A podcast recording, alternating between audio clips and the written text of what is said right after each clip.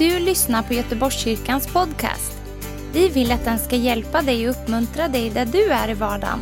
Vill du veta mer om oss så gå in på www.goteborgskyrkan.se.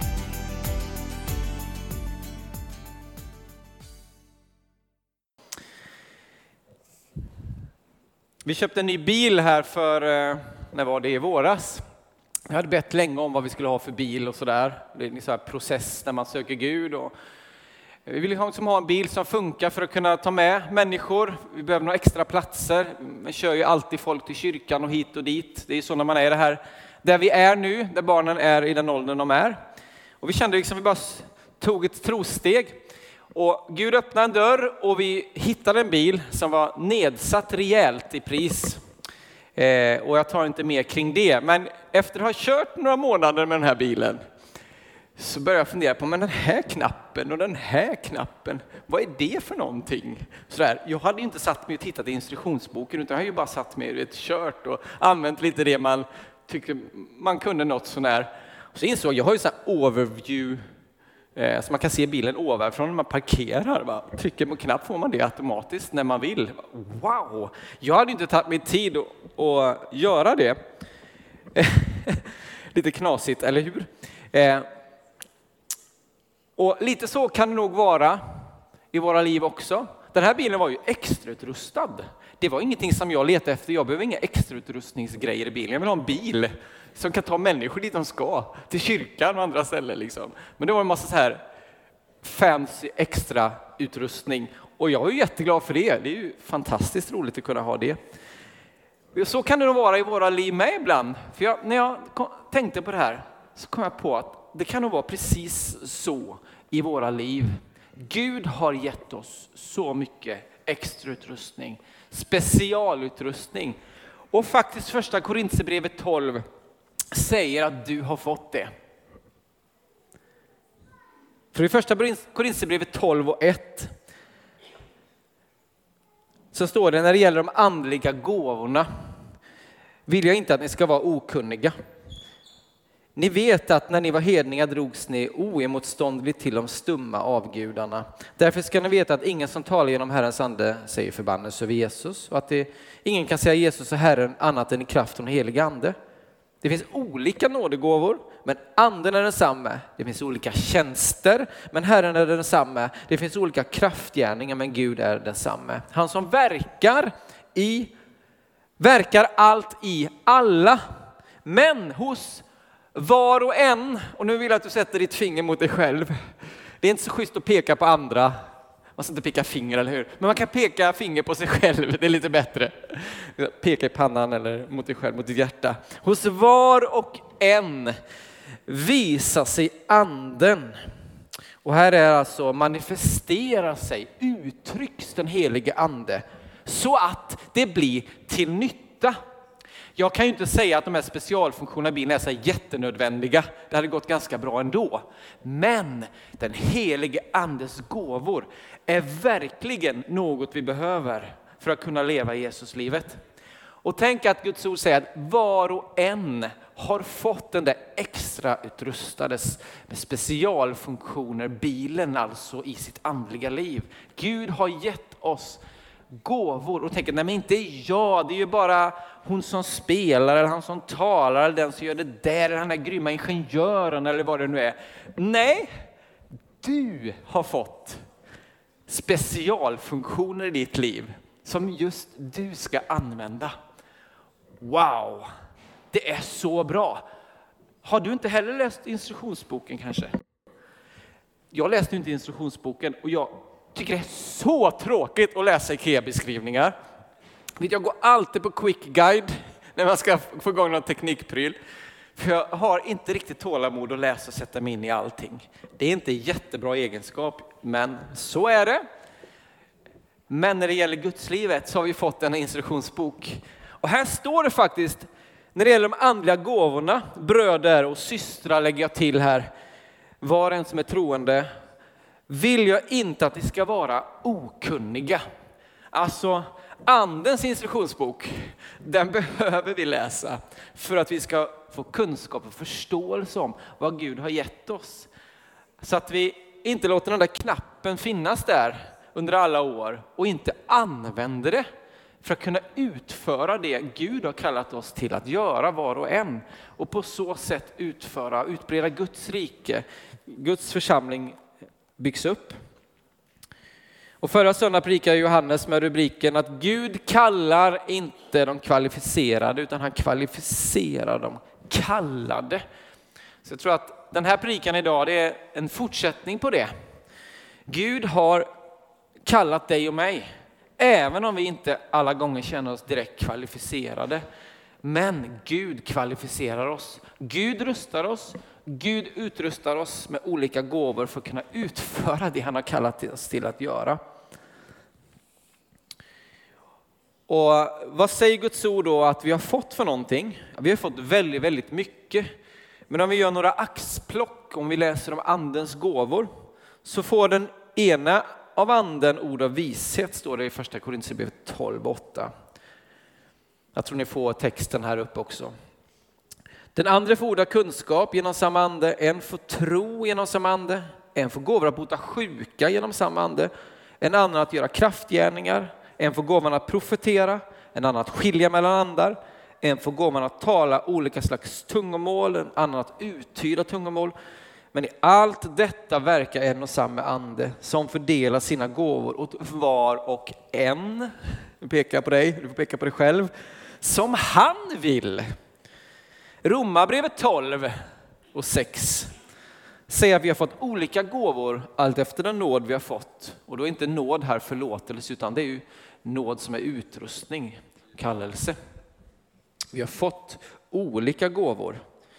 Att profetera i överensstämmelse med tron, att tjäna i vår uppgift, att undervisa i läran, att förmana med uppmuntran och tröst och dela ut gåvor utan baktankar. Det är bra. Att vara hängiven som ledare eller att visa barmhärtighet med glatt hjärta. Och även i Fesebrevet då, vi kör på med Guds ord, eller hur? 4.7, det säger, men var och en av oss har fått nåden så som Kristus fördelade gåvan. Därför heter det, han steg upp i höjden, han tog fångar och gav människor gåvor. Det att han steg upp, vad innebär det? Om inte att han också steg ner till jorden. Han som steg ner, också den som steg upp över alla himlar för att uppfylla allt. Och han gav några till apostlar, andra till profeter, andra till evangelister, andra till herdar och lärare för att utrusta de heliga. Alltså de heliga, alla som tror och följer efter Jesus Kristus till att fullgöra sin tjänst och bygga upp Kristi kropp. Tills vi alla, här kommer syftet då med det hela. Vad är målet med detta då? Jo, det är ju för att vi alla når fram till enheten i tron. Om kunskapen om Guds son som en fullvuxen man med ett mått av mognad som motsvarar Kristi fullhet. Alltså det är inget dåligt mål, eller hur? Och syftet med de gåvor Gud har gett dig och mig, det är att det ska komma till nytta, säger ju vers 7 i första Korintierbrevet 12. Det ska komma till nytta. Och när jag sa att du har inte fått alla specialfunktioner. Va? Jag så trodde jag hade fått allt. Nej, inte jag heller. För Efesierbrevet 3.18 säger att vi tillsammans med alla de heliga ska kunna fatta bredden, längden, höjden, ja, djupet och lära känna Kristi kärlek som går långt bortom all kunskap så att ni blir helt uppfyllda av all Guds fullhet. Vi har alla fått olika delar och första Korintierbrevet talar ju om församlingen som en kropp med olika lemmar, olika kroppsdelar i funktion. Och då får vi ju inte använda det här som en ursäkt och tänka att nej men, det är någon annan som har fått det där. Jag sätter mig ner och jag tänker nej, jag var den som inte fick någonting eller det var så lite så jag behöver inte använda det. För, eller hur? Visst kan det bli en ursäkt? Ja men vad skönt, alla har inte, någon annan har nog fått det. Så sa ju väldigt många av Guds personerna i Bibeln. Mose han ville inte vara med på banan. Han tänkte att det kan brorsan fixa. Och läser vi om olika människor genom historien igen så ser vi att det har funnits så många ursäkter. Men Gud kallar oss var och en och ta den, precis den delen som Gud har gett dig och mig. Så du har ett ansvar faktiskt, skulle jag vilja säga, att förvalta precis just det Gud har gett dig. Och ett bibelsammanhang, det handlar egentligen om ekonomi.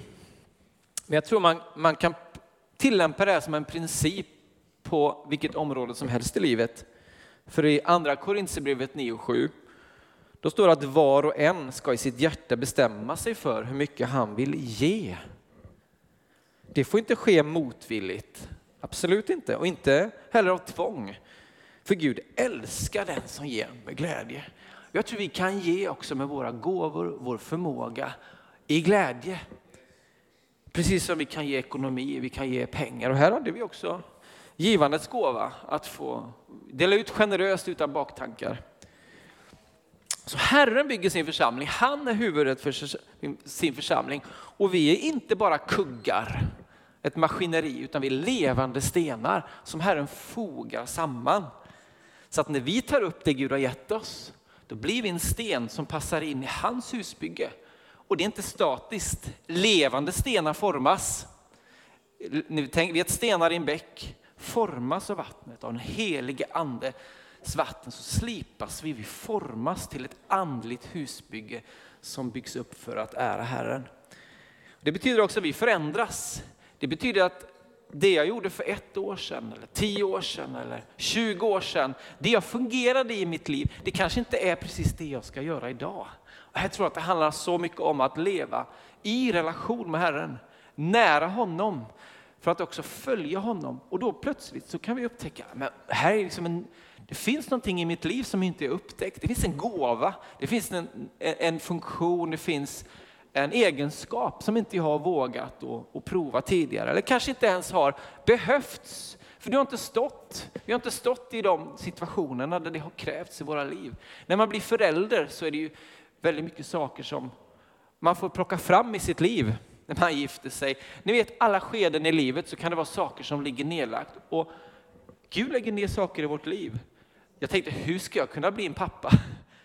Men när man står där, då finns det nedlagt i ens liv. Och man plockar fram och upptäcker egenskaper som Gud har lagt ner i skapelsen och lagt ner i, i våra liv som vi får upptäcka. Och det här kan ju vara en kombination här talas det om gåvor, det talas om tjänster, det talas om kraftgärningar. Och jag tror att de här gåvorna, det Gud har lagt ner i våra liv, det kan vara en kombination av både det som är nedlagt när vi formades i liksom mammas mage. För det står att redan när vi formades i mammas mage så kallade jag dig.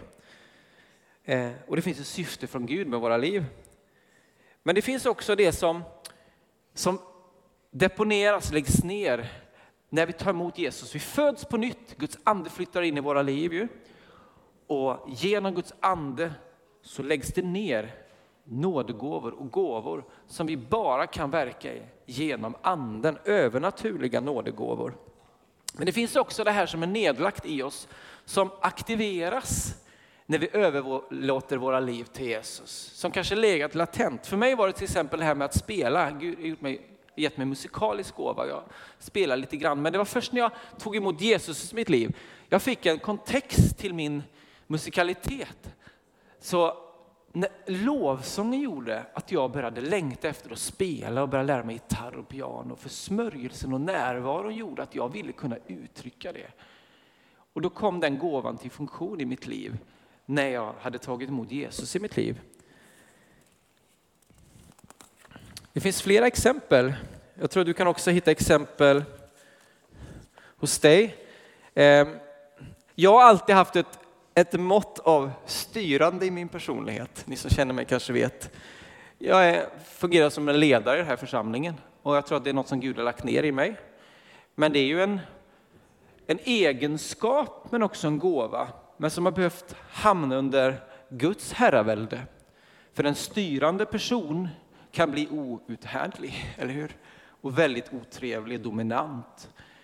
Och i yrkeslivet, ni vet, människor som har en väldigt stark styrande förmåga men kanske inte har empati och kärlek till sina anställda och så vidare. Det blir inget bra. Så jag tror att våra gåvor behöver underordna oss Herren. Och det är ju något som fortsätter. Vi helgas och det är en process. Man får böja sig dagligen för Herren. Mitt yrkesval är också en sån här rolig sak. Jag jobbar ju deltid i kyrkan här men också som elektriker. Och när jag var liten, jag höll på och mixtrade så mycket med sladdar och kablar och kopplade och byggde diskolampor i rummet och egna mixerbord och allt vad det var. Byggde lokaltelefonsnät i huset. Stackars mina föräldrar att de stod ut. Men ja, och jag tänkte inte så mycket mer på det. På gymnasiet så tänkte jag, gick jag teknisk, jag tänkte ja, men jag väljer nog elinriktning, men det blev inget elprogram det året. Och sen så upplevde Herren kallade mig att jobba som ungdomsledare i min hemförsamling och jag hade olika jobb. Jag flyttade till Göteborg, jag fick jobb med att jobba som skogsentreprenör, jag har kört mycket motorsåg och fällt träd och sånt i många år. Och sen så bara kände jag hur det här började väckas till liv i mig, liksom, det här med elyrket. Och så hade vi några församlingen här som hade startat företag, Elfast, precis. Och jag bara, ska jag kunna få testa att följa med någon dag? Ja, visst. Och jag kände ju när jag var med där och jag fick testa att jobba, hur det var som att sticka in handen ni vet, i några perfekta handskar. Här, wow, det här är ju fantastiskt roligt. Och jag kände hur det, hur det kom, kom, kom till liv. Och det här var ju 15 år senare. Så öppnade Gud dörren och få gå in i att också jobba med det som jag såg jag höll på och mixtrade med som barn och tonåring. Så jag tror att Gud lägger ner saker i oss. Du har intressen, du har saker som Gud har lagt naturligt. Men vi behöver ge oss själva till Gud och överlåta våra liv så att det kommer i rätt förhållande till, till honom. Du vet, vi kan vinna hela världen, vi kan göra världens karriär, men förlora vår själ. Vad spelar det för roll i evigheten? Det är inte fel med karriär, men jag tror att det är Herren som ska ge oss karriär och att vi ska kunna tjäna honom. Om det är så att du är VD på ett stort företag och Herren planterar och sätter det där, så ska vi vara underordnade honom. Vad vi än förs in i för någonting, så tror jag det är så viktigt att vi ger oss själva till Gud först och våra gåvor, så att det kommer i rätt kruka och förhållande till Guds kallelse i våra liv. Jag längtade så som nyfrälst efter det profetiska, kunna få tala liksom ord till människor så. Och det började jag be om och söka om också. Och jag tyckte det hände inte så mycket. Men ju mer jag hamnade i situationer där jag liksom började be för andra människor i förbundssituationer och sådär, vilket jag tyckte var jätteobekvämt i början.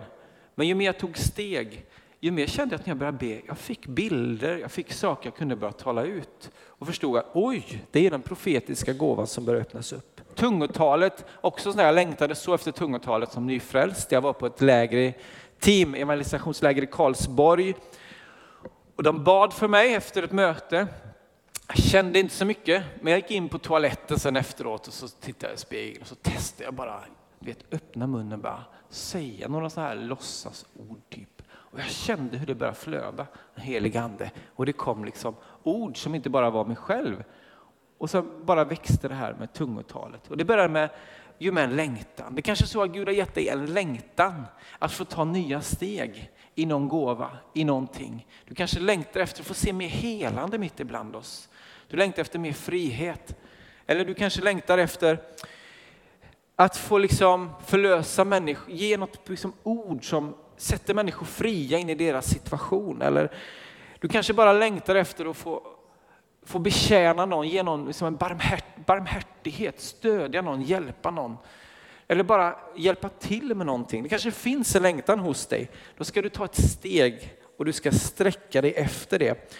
För hur aktiverar vi då gåvorna i våra liv? Ja, det finns ju många saker att säga om det säkert, men jag kan ta bara några axplock. Det första jag sa, det är att vi får börja med att överlåta allt vi är och har till Gud. Jag skulle säga att det är utgångspunkten. Säga, här är jag Herre. Och många gånger så börjar det med att man känner att jag räcker inte till. Jag har inte lösning på detta, eller jag vet inte hur jag ska våga. Jag vet inte vad du kallar det in, men Herre, led mig och sänd mig dit du vill. Du kommer ta hand om mig. Och sen också faktiskt acceptera att just du har fått specialutrustning. Och här lever vi ju i ett jantelagens förbannelse, om man får använda det uttrycket. jantelagen, jag vet inte att det ens finns det där ordet. Men när vi jämför oss och tänker, nej men jag är väl inget, och ska jag? Det är liksom, finns ju olika saker i olika kulturer, men det är någonting som många gånger kom, ligger som ett tryck över vårt land. Men vi ska bara gå mot den där jantelagen och tro på vad Guds ord säger istället. För du har fått utrustning. Du och jag har fått utrustning. Gud har kallat dig, och Gud har gett dig och mig olika saker. Och det har inte med, vissa saker har ju med vår naturliga fallenhet att göra. Men en hel del när det gäller andens gåvor, det har inte alls med oss att göra. Att be för en sjuk, det har inte med min personlighet att göra.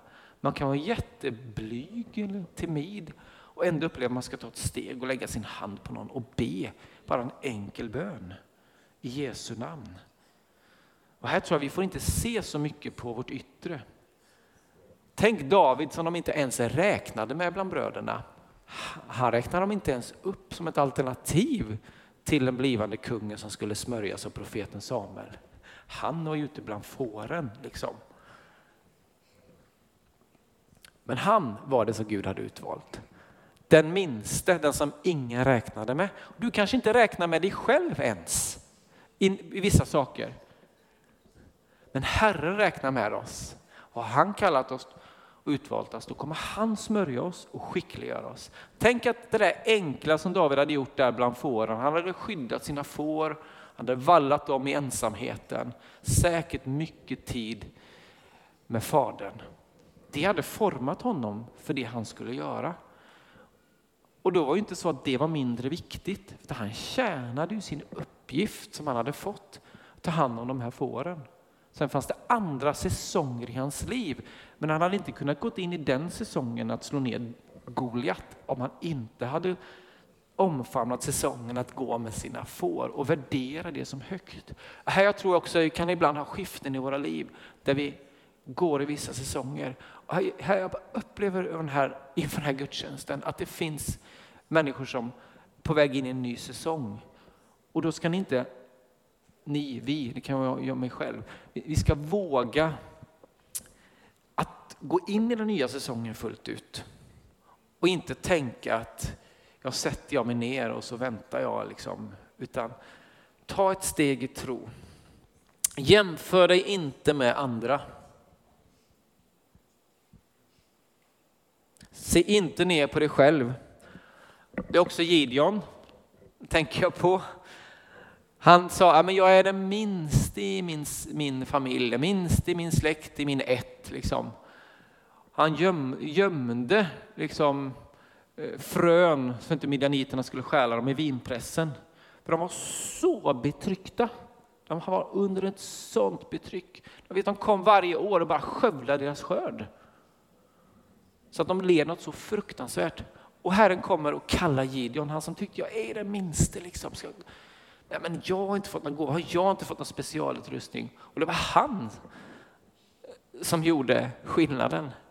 Men det var en vånda, det var en kamp, men han överlät sig till Herren. Och här kommer ju det här med att, vara, att vi inte ska vara rädda för att göra fel. Många gånger så grundar det sig också i fruktan, kanske inte vi vågar ta steg, att använda det Gud har gett oss, för vi är så rädda att göra fel. Men tänk om vi kan odla en sån generös kultur där vi eh, vågar liksom fejla inför människor. Inför Gud så gör, tror jag inte vi kan göra fel så länge vi har rätt motiv. Det som ibland kan se ut som ett nederlag kan Herren bara vända och bli en fantastisk välsignelse. Men vi måste också få träna oss. Vi måste få ta steg. Och där tror jag vi ska uppmuntra varandra och vara så generösa mot varandra så att vi kan växa i våra gåvor så att det blir som ett växthus församlingen. Där vi får växa till. Och inte gräva ner våra talenter heller som Jesus säger. Han som grävde ner dem, för han var så rädd att investera pengarna fel. Så han tänkte det är bättre jag sparar dem jag har. Men det var inte alls det som var tanken, utan han skulle använda dem och investera dem. Och det är så Guds rike fungerar när vi ger. när vi ger det vi har, det är då det växer. Det är då det förökas och blir till välsignelse för så många. Så vi kan aktivera våra gåvor genom att ta steg i tro. Men ibland är det så att vi vi också ser ett behov och du kanske ska vara en del av den lösningen. Det kanske är ett problem på ditt, på ditt jobb, eller på din arbetsplats på skolan eller ett relationsproblem, någonting i din familj. Och Gud ger dig liksom bara ett ord eller visdom att agera på något sätt. Eller som Maria sa här, vi har behov av fler som är med och leder våra barn. Du kanske ska ta ett steg för att det finns ett behov. Jag tror att vi bygger områden i församlingen som är liksom ett utflöde av den heliga Ande. Vissa saker är för en tid och där får vi pröva Herren. Ibland ska vi skära av grenar. Vi ska lägga ner saker för att vi ska fokusera någonting annat. Och där får ni be för oss av ledarskap att vi går rätt. Men vi tror ju också att när vi talar ut, vi vill göra det här, då tror vi också att det finns en koordinering av den helige Ande. Att när vi var och en tar den uppgiften Gud har kallat oss att göra, då blir det bärkraft och då fungerar det. Och i ett växande församlingsbygge kommer det alltid saknas människor. För så är det. För att det tar, tar lite tid. När vi, när vi går före och tar steg i tro så tar det lite tid innan kanske alla områden fylls. Och det får vi leva med tror jag. Och, men vi ska inte vara rädda för att ta steg i tro, för Herren förser.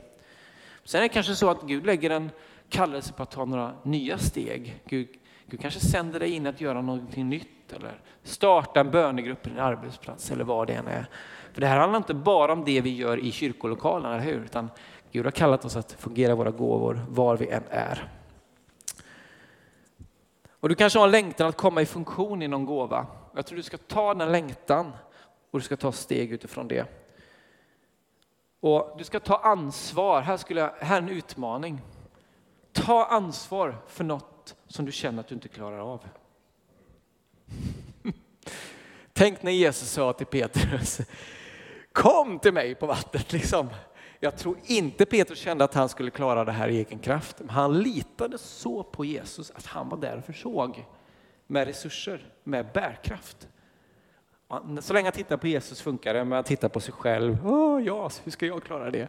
Men jag tror att när vi blir för bekväma, när vi känner att det här kan jag lite för mycket, då undrar jag om inte vi börjar att hamna lite efter Jesus. För jag tror att när vi följer honom kommer vi alltid känna en tension av att det här klarar jag inte jag i egen kraft. Så kände jag inför den här dagen. Nej, men det där gör väl du lätt, stå och predika? Nej, det gör jag inte. Jag är beroende av förbön, jag är beroende av den helig Ande, kraft från honom i allt. Sitt inte kvar i båten när Jesus kallar. Sen kanske du hamnar i en situation där det bara krävs ett mirakel. Jag tror att där ropar vi alla till Jesus, ropar vi alla till Gud. Men jag tror också, att ibland då får vi också tillta, vi ska agera i tro och Gud förlöser sin kraft in i den situationen. Det sista som vi också ska tillämpa nu, det är handpåläggning. Att vi ska be för varandra. Därför påminner jag dig, säger Paulus till Timoteus, att låta Guds nådegåva flamma upp igen. Den som finns i dig genom min handpåläggning. Och flera tillfällen kan vi läsa Apostlagärningarna om hur, hur, hur man la händerna på varandra, bad för varandra och Guds kraft, Guds ande fyllde lärjungarna och hur man avskiljer och utrustar. Så vi ska ta en stund där vi ska bjuda in till en böneplats där vi ska be för varandra. Och jag skulle bara vilja innan vi gör det tacka alla som har varit med också på TV Vision Sverige eller du har varit med genom Facebook. Tack för att du har varit med här. Och vill du som är med på TV Vision Sverige fortsätta vara del av vår gudstjänst så går du över till vår Facebook-sändning. Det kanske finns de här idag som ska ta nya steg i tro. Och då skulle jag vilja bjuda fram dig. Att vi får be för dig och välsigna dig i de stegen. Eller du kanske känner att du ska ta som ett ansvar för något nytt på jobbet eller i kyrkan. Du vill ta ett steg i tro där. Eller du kanske känner att du har lagt ner din gåva och du vill plocka upp den igen, precis som Paulus sa till Timoteus här. Att låta den flamma upp igen. Den kanske inte kommer komma till uttryck på exakt samma sätt som tidigare. Men det är någonting som Gud vill liksom att det, det får komma i funktion på nytt eller igen. Längtan att komma i funktion i andens gåvor. längtan att få vara där Gud vill att vi ska vara. Vi ska ta en stund där vi bara låter Gud koordinera oss, tala till oss, be för varandra, förlösa Guds kraft. Och handpåläggning är så starkt att vi inte underskattar det, utan vi ger möjlighet till det. Tack.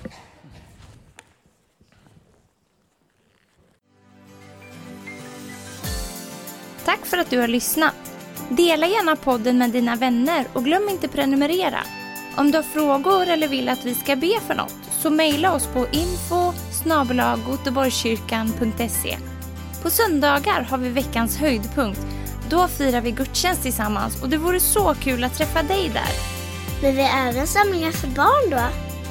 Gå in på vår hemsida goteborgskyrkan.se så får du veta mer. Välkommen till oss!